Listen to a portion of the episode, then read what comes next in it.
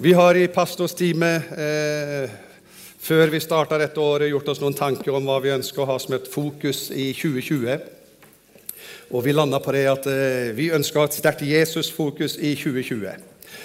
Eh, så eh, vi snakker om at vi vil være med å gjøre Jesus synlig i Guds kjærlighet og i Den hellige ånds kraft.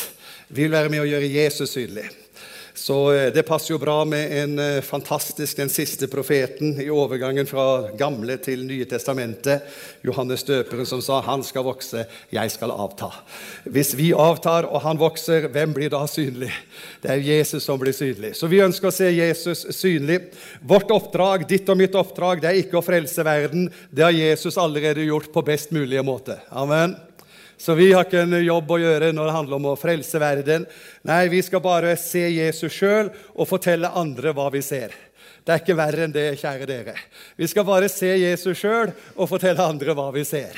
Det er det som kalles å være vitne. Et vitne er en som ser og forteller andre hva han eller hun ser. Så vitnene ser sjøl, men de hjelper faktisk også andre til å bli seende. Så når du forteller det du har sett, så kan andre si 'Aha, ja, ja, ja, ja. Det har ikke jeg sett før' så kan du være med og tegne bildet. Paulus sier jo 'Jeg har malt Jesus Kristus for dere'. Tenk at det kan være ordkunstnere også, som bare maler Jesus Kristus for forsamlingen. Jeg ønsker at vi i 2020 skal få lov til å få se Jesus Kristus sjøl, og også hjelpe andre å se Han. Gjøre Jesus synlig. For å gjøre Jesus synlig så skal det viktig at for det første vi sjøl løfter blikket. Vi løfter blikket. Vi ser Jesus, og så gjør vi han synlig. Så hvis du vil ha en tittel på det jeg skal si her nå, en halvtimes tid, så er det 'Løft blikket, se Jesus, og gjør ham synlig'. Løft blikket, se Jesus, og gjør ham synlig. Dere vet Jesus han tok med seg Jakob og Johannes og Peter opp på fjellet en gang. Og så, og så hadde han en sånn spesialmøte med dem. Eh, og så skjedde det noen spektakulære ting der. og Vi skal lese i Matteus 17, vers 1-8. Seks dager senere tok Jesus med seg Peter, Jakob og hans bror Johannes og førte dem opp på et høyt fjell hvor de var alene. Da ble han forvandlet for øynene på dem. Ansiktet hans skinte som solen, og klærne ble hvite som lyset. Og se, Moses og Elia viste seg for dem og snakket med ham. Da tok Peter til orde og sa til Jesus, 'Herre, det er godt at vi er her.' Om du vil, skal jeg bygge tre hytter, én til deg, én til Moses og én til Elia. Mens han ennå talte, kom en lysende sky og skygget over dem og en røst lød fra skyen. Dette er min sønn, den elskede. I ham har jeg min glede. Hør ham. Da disiplene hørte det, kastet de seg ned med ansiktet mot jorden, grepet av stor frykt. Men Jesus gikk bort og rørte ved dem og sa, 'Reis dere, og vær ikke redde.' Og da de løftet blikket, så de ingen andre enn ham, bare Jesus. Slik lyder Herrens ord. Jeg må bare si, jeg, ikke, kan ikke bruke tid på det, men jeg må bare si det at uh, i Oslo domkirke, når uh, Kåre Konradi og, og uh, Nils Storhøy når de leste bibeltekstene, så slo det ned i meg det finnes ingen vakrere tekster i universet enn Bibelens tekster. Hvilke tekster? Når han leser eh, Kåre Konradi om eh, forkynneren, vismannen eh, Salomo, som sier eh, alt har sin tid. Bare les teksten. Det er slike dybder og høyder, og det er så vakkert og så nydelig. Det er ingen tekster som overgår Bibelens tekster i skjønnhet, i vakker majestet. Og dette er en av disse tekstene. Og også når eh, eh Nils Storhøy eh, leste eh, 'Kjærlighetens høysang' i 1. Korintervju 13 Det fins vel ikke noe vakrere tekster enn det som blir lest fra Bibelens bok. Og Her er også en slik tekst. Jeg syns det er så vakkert. Da de løftet blikket, så de ingen andre enn ham. Bare Jesus. Det er eh, høyder og dybder. Vi ser her at eh, Moses dukker opp, og Elias dukker opp. Det er to store gammeltestamentlige personligheter som dukker opp i møte med Jesus, Peter, Jakob og Johannes. Og, og Peter han blir så ute av seg at han, han, det står i Markus 9 og i Lukas 9 at eh, han vet ikke helt eh, hva han skulle si. Men han snakka likevel. Er det noen som har kjenner seg igjen? Du vet ikke helt hva du skal si, men du snakker likevel. I Lukas 9 så står det eh, han visste ikke hva han sa. Og I Markus 9 så står det han visste nemlig ikke hva han skulle si, for de var veldig redde. Eh, noen ganger når du blir veldig redd, så snakker du liksom i ren panikk. Men eh, Han visste ikke helt hva han skulle si, men han snakka likevel. Derfor så syns jeg det er veldig bra at det står mens han snakket, ble han avbrutt av Gud. Det er veldig bra når folk snakker uten å vite hva de skal si, at de blir avbrutt. Noen ganger er det på sin plass. Men her er det altså Gud sjøl som avbryter en som snakker, uten å vite hva han skulle si. Men eh, vi ser her at Moses og Elias de dukker opp i møte med Jesus. Og det må jo være spektakulært. Det må jo være spesielt for eh, disse eh, tre jødene, Jakob, Johannes og Peter, og se at her er deres to store helter, Moses og Elias, sagnomsuste personligheter fra Gamle testamentet. Wow, er det Moses her? Oi, oi, oi, Elias, er du her også? Men så vet vi, når vi kjenner tekstene, så vet vi at uh, Det nye testamentet er skjult i Det gamle testamentet. Og så vet vi at Det gamle testamentet blir åpenbart i Det nye testamentet. Så vi, vi, vi, avskriver ingen av testamentene, men vi skjønner at det har fått sin fyllest, altså sin fullkommengjøring, i Det nye testamentet, i personen Jesus Kristus. Så ser vi Moses, som representerer Ordet som representerer loven, om du vil, Guds gode vilje. Han representerer det. Og så ser vi Elias, som representerer ånden. For det ble sagt om Elisa Han var så fascinert av den åndsutrustning som Elias hadde, at han ba å, det der må jeg få tak i. Gi meg en dobbelt del av det. altså La meg bare få det som du har av åndens salvelse. Men så ser vi at både Moses og Elias de forsvinner ut av bildet. Og den eneste som står igjen, er Jesus Kristus. Bare Jesus Kristus. Det forteller meg at Moses, som er Ordet og som er loven, og Elias, som er Åndens salvelse og den profetiske tjeneste, begge to opphører sin tjeneste, for begge blir forent og oppfylt i personen Jesus Kristus. Det er sant som vi sang på søndagsskolen. Om du har Jesus, da har du alt. Da trenger vi ikke noe tillegg. Vi trenger ikke noe ekstra. Og det var dette som var erfaringen til Peter, Jakob og Johannes. Da de så opp, så så de ingen andre enn ham, bare Jesus.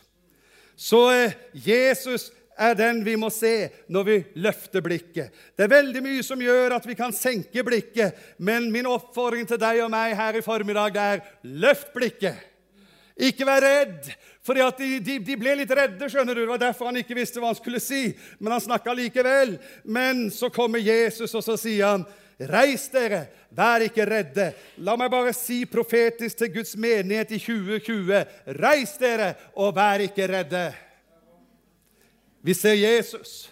Vi ser Jesus. Vi stoler på Jesus. Vi tror på Jesus, troens opphavsmann og fullender. Vår fortid er under hans blod, vår nåtid er under hans beskyttende hånd. Vår framtid er under hans seende øye, han som ser og vet alt. Ingen frykt, ingen angst. Og når det kommer som angrep på oss Jeg vet hva jeg snakker om. Jeg vet hva det er å få angst, jeg vet hva det er å bli redd, jeg vet hva det er å kjenne på frykt, jeg vet hva det er å kjenne på forkastelse. Men når det kommer, da løfter jeg blikket, og så ser jeg Jesus Kristus og bare ham, og jeg kjenner jeg får nytt mot. Fra å være som en kylling, livredd og skjelvende, så kjenner jeg når jeg ser Jesus, så blir jeg som en løve, full av tro og tillit på hans muligheter i 2020. Men det er ikke pga. meg, for der finner du ingenting. Men Jesus Kristus. Løft blikket, se Jesus Kristus. Ingen andre enn ham. Så eh, Guds fokus var jo tydeligvis Jesus Kristus. Av alle disse tre store personlighetene, Moses, Elias og Jesus, så er det altså Jesus som får oppmerksomheten fra himmelen. Det er han som får sagt om seg 'Dette er min sønn, den elskede'. Det, det, dere må høre ham. Det, det er han som jeg har glede i. Det er han dere må fokusere på. Og så hadde altså Peter han Peter syntes det her var så fascinerende at han hadde tenkt å bli der oppe. Så han ville bygge tre hytter. Så eh, jeg vet ikke helt Jeg tror han eh, overvurderte seg sjøl, for han var jo ingen snekker, han var en fisker. Så det måtte eventuelt blitt en fiskerhytte. Men eh, Han kunne jo være stor eh, i ord noen ganger, Peter, men han lærte av sine erfaringer, og det er det som er visdom. Ikke å få erfaringer, men å lære av erfaringer. Og Peter lærte av sine erfaringer. Og eh, eh, Han tenkte først vi må bli her oppe, men det var noe der nede ved foten av fjellet som var viktig å avhjelpe nød og smerte.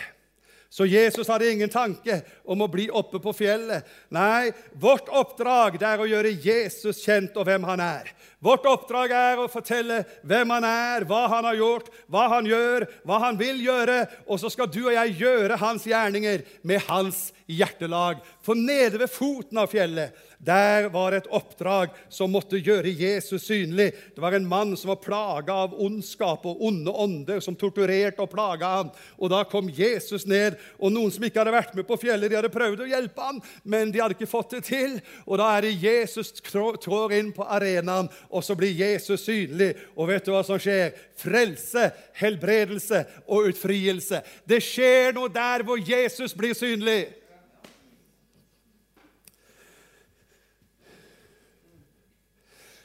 Det er flott å vite at Peter han eh, lærte.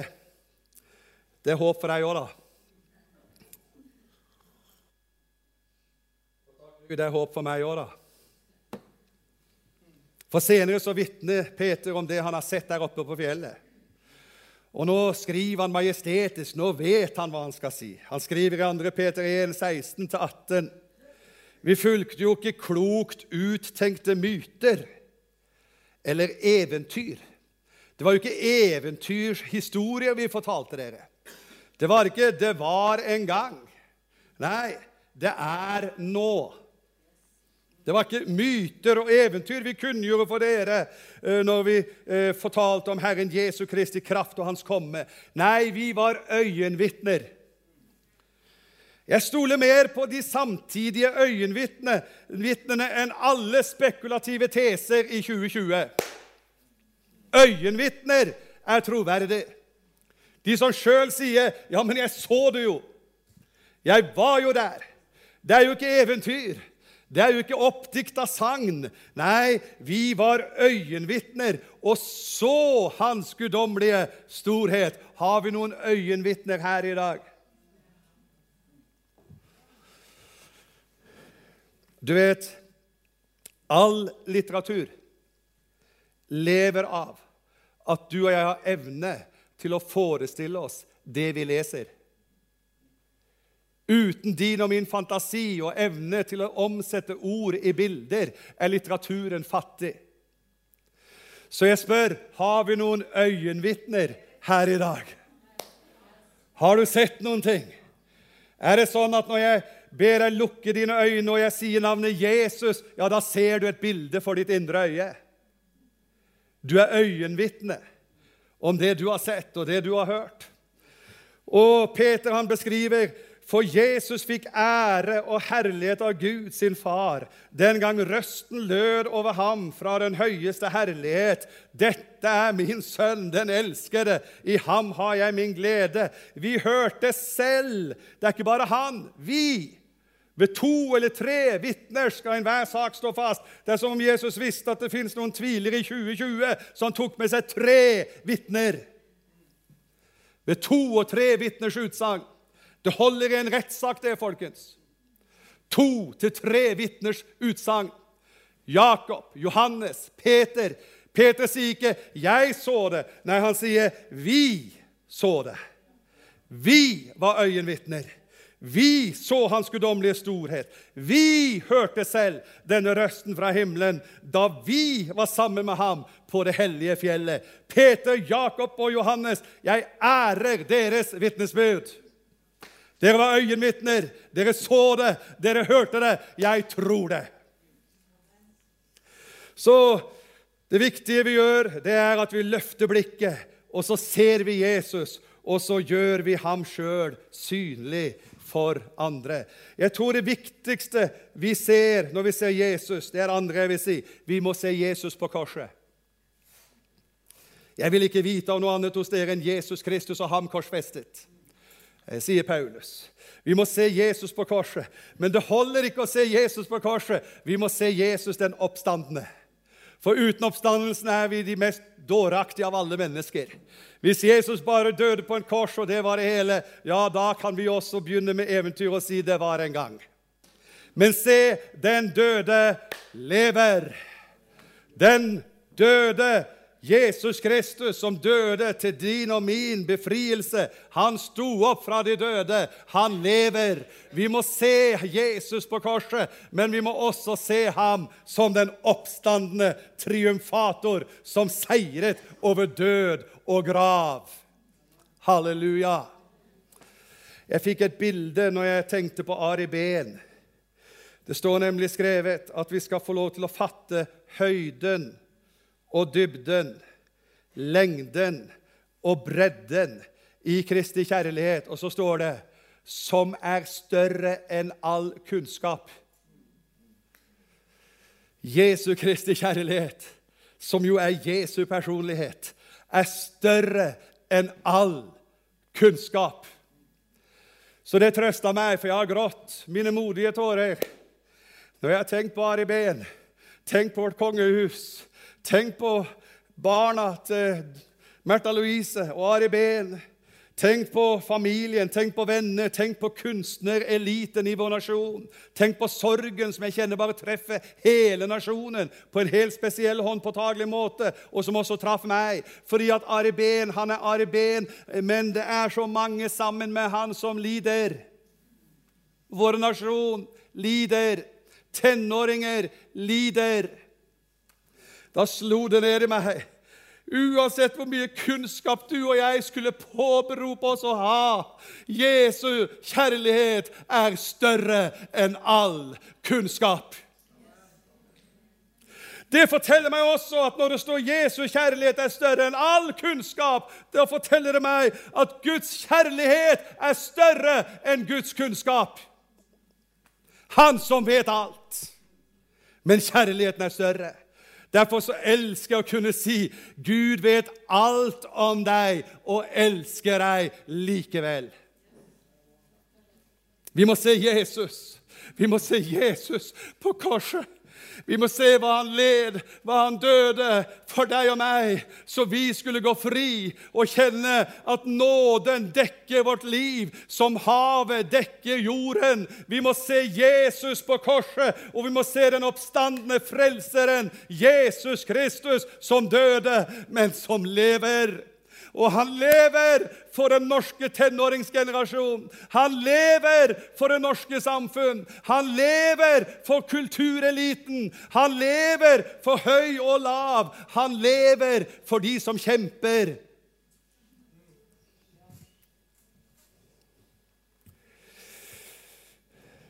Allerede før Jesus gikk på korset, så sier Johannes døperen, Se Guds lam, som bærer bort verdens synd. Han ser Jesus komme gående mot seg. Se Guds lam. Det viser til korset. Se soneofferlammet. Se Han som bærer bort verdens synd. Hør, Jesus Kristus ikke bare bærer synden, han bærer den bort. Han tar den av, han avlaster, han befrir. Det er en nådeshandling. Vi må se hva Jesus gjorde på korset, og hva det betyr for oss og den oppstandende frelseren. Han som virkelig så Jesus på korset og var en av hans bødler, og som var en av de vantro, og som var en av dem som utførte Jesu død. Da han så hvordan Jesus utåndet, sa han, 'Sannelig, denne mannen var Guds sønn'. Han så det, og han bekjente denne mannen var Guds sønn. Han så Jesus dø på korset og sier han var Guds sønn. Jeg tror på Jesus Kristus, Guds sønn. Og så står det etter oppstandelsen så fint Johannes var den unge mannen, og Peter var den litt eldre mannen. Og de løp om kapp, og det var jo ikke noe rart at den unge vant foran den eldre. Så Johannes kom først til graven. Men eh, han hadde litt mer pietet, så han ble stående utenfor og lure på. Mens Peter, som den fiskeren han var, han bare raste rett inn. Og så står det om Johannes. Han sier om seg sjøl i Johannes evangelium 28. Da gikk den andre disippelen også inn, han som var kommet først til graven. Han så og trodde. Halleluja. Noen sier 'Jeg tror det ikke før jeg ser det', men det er faktisk også sånn du ser det ikke før du tror det. Han så, og han trodde. Eh, Kain, i, for det er slik at det fins historier i Det gamle testamentet som kaster lys inn mot Det nye testamentet, som forklarer litt, og som gjør at det bare pga. Det nye testamentet fra Matteus og framover så skjønner vi noen av tekstene i Det gamle testamentet. Men Kain han var et motsatt eksempel, var en som ikke løfta blikket. Han, opplevd, han opplevde seg sjøl eh, urettferdig behandla, og han var veldig opptatt av seg sjøl og sine rettigheter. Eh, og Det står i 1. Mosebok 4,57 at Kain ble brennende harm. Og så står det og han så ned. Men mitt budskap i dag er løft blikket. Ikke se ned. Men pga. harme så så han ned. Han eh, eh, ble møtt av Gud, Herren, som sier til ham, 'Hvorfor er du harm, og hvorfor ser du ned?' Noen ganger har vi kanskje vi i vår forstå-seg-på-empati som er overdrevet Vi skal jo forstå absolutt alt. Vi hadde kanskje strøket med håret og sagt ja, jeg forstår at du føler det sånn. Mens Gud, som er den som ser alt, han spurte hvorfor er du harm? Hvorfor ser du ned? La meg bare si det så det er helt klart. Når Gud stiller spørsmål, så er det ikke fordi han ikke vet. Han stiller spørsmål for å gi oss en sjanse. Han stiller spørsmål for å gi oss en mulighet til selv å reflektere. Han stiller spørsmål som er at vi blir ansvarliggjort og myndiggjort i eget liv. Han stiller ikke spørsmål pga. at han har mangel på kunnskap. Han stiller spørsmål for å hjelpe deg og meg i krisesituasjoner. Han stiller spørsmål som gjør at du og jeg selv kan ansvarliggjøres og hjelpes av Hans nåde til å få rette svar. Så Herren så, så Kain, og så sier han, 'Hvorfor er du harm, og hvorfor ser du ned?' Det er jo psykologi, dette her, at det er vanskelig å møte blikket til den du har noe imot. Du ser ofte ned. Du ser bort øynene som er sjelens speil. Gud så i Kain noe som var en risiko for han selv. Og så sier Gud, 'Hvis du vil gjøre det gode, kan du se opp.' Men hvis du ikke vil gjøre det gode, ligger synden klar ved døren. Men så kom med håpets budskap til Kain fra Gud. Den ønsker makt over deg, men du skal herske over den. Så vi er ikke syndens trell. Vi er ikke utlevert synden. Den ligger på lur, den prøver å få makt over deg, men du skal herske over den. Det er et positivt budskap. Det er ikke sånn at vi er utlevert alle mulige livssituasjoner og omstendigheter. Det er ikke situasjonen din som skal definere deg, men det er Gud i himmelen som skal definere deg. Du kan være rik midt i fattigdom og fattig midt i rikdom. Og du kan være en mektig mann med et lite liv, og du kan være en fattig, svak og liten person med et stort liv.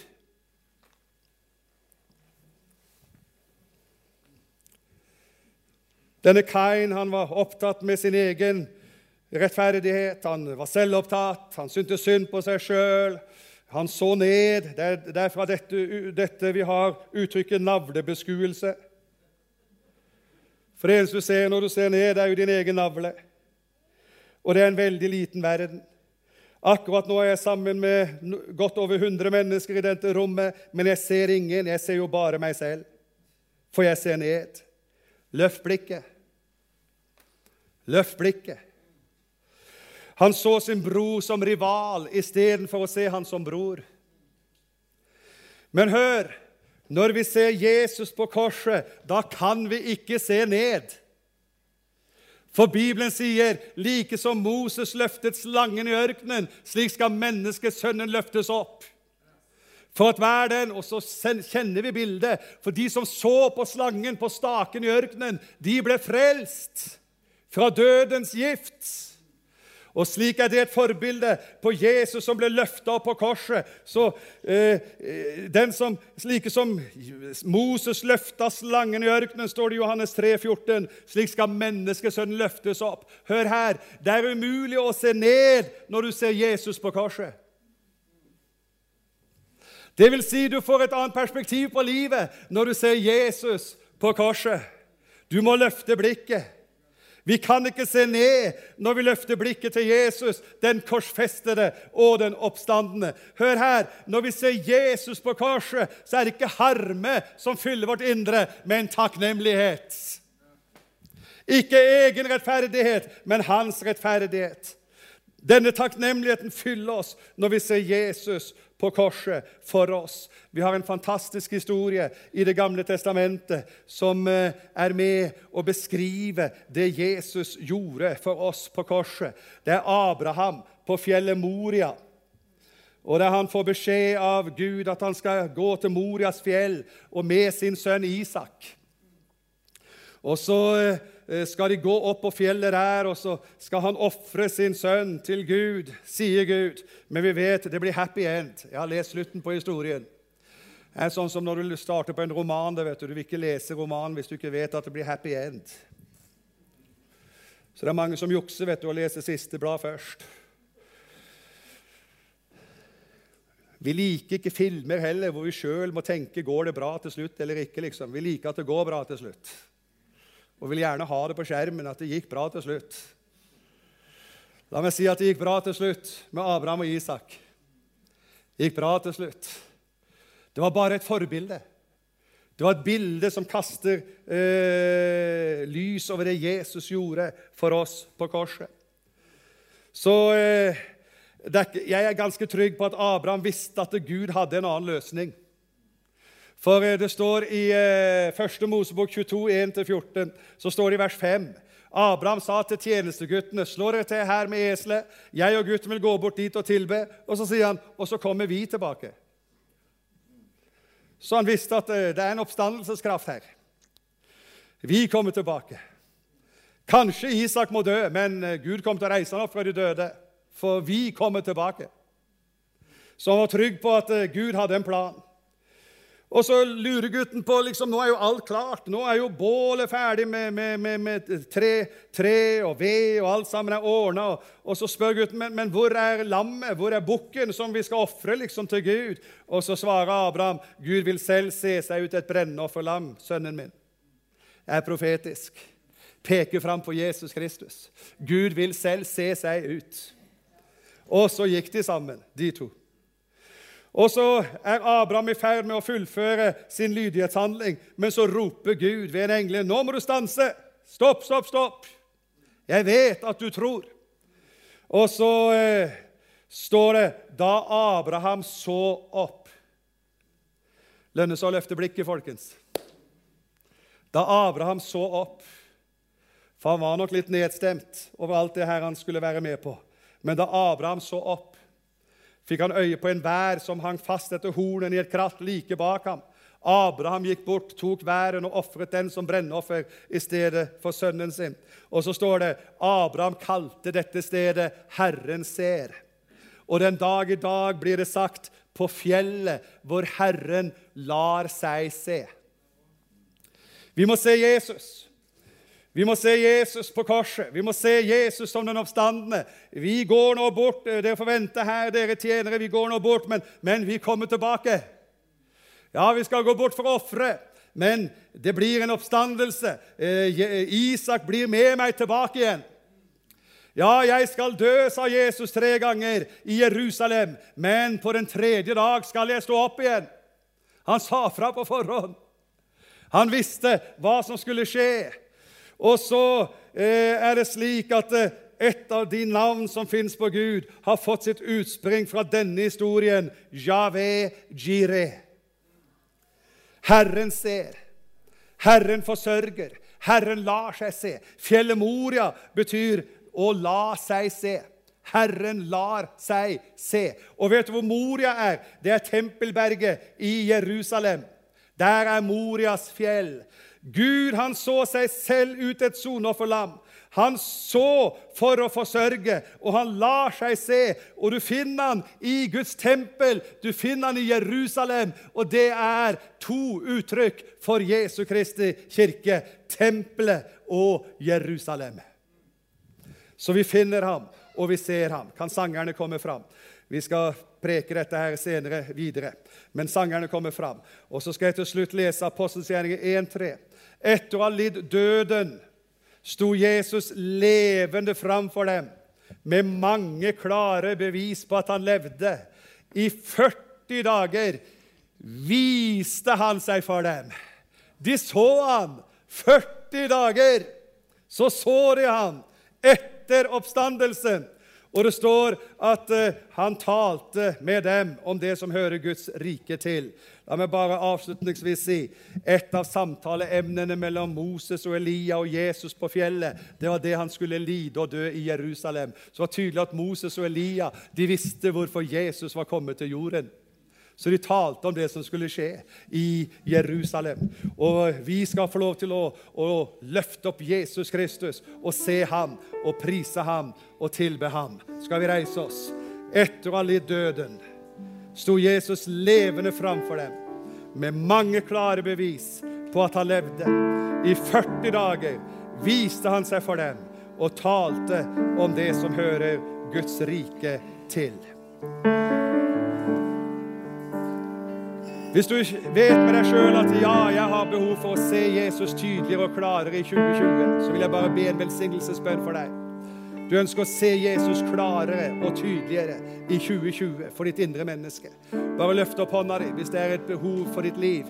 Du ønsker å se Jesus klarere og tydeligere i ditt indre øye i 2020. Du ønsker å se han som din frelser. Du ønsker å se han som din venn. Du ønsker å se han som din konge. Du ønsker å se han som din hjelper. Du ønsker å se han som den oppstandende. Du ønsker å se han som forsoneren. Du ønsker å se han som framtid. Du ønsker å se han som håp. Jeg forkynner Jesus Kristus, den korsfestede, som sto opp og lever. Og du ønsker å se ham tydeligere i 2020. Løft opp din hånd hvis du ønsker det, så skal jeg be en velsignelsesbønn. Far i himmelen, jeg ber om at mennesker i denne forsamlingen skal få personlige møter med Jesus Kristus i 2020. De skal få se deg, Jesus. De skal få se og kjenne og smake at du er god. De skal få smake og kjenne, oppleve med sine sanser i sitt indre menneske at du som døde, du lever, og du gir framtid og håp. Kom med din velsignelse. Kom med legedom. Kom med helse. Kom med frelse. Kom med framtid og håp og tro, og gi oppmuntring til mennesker som er nedbøyd i Jesu navn. Amen. Og alle folket sa Pris Jesus.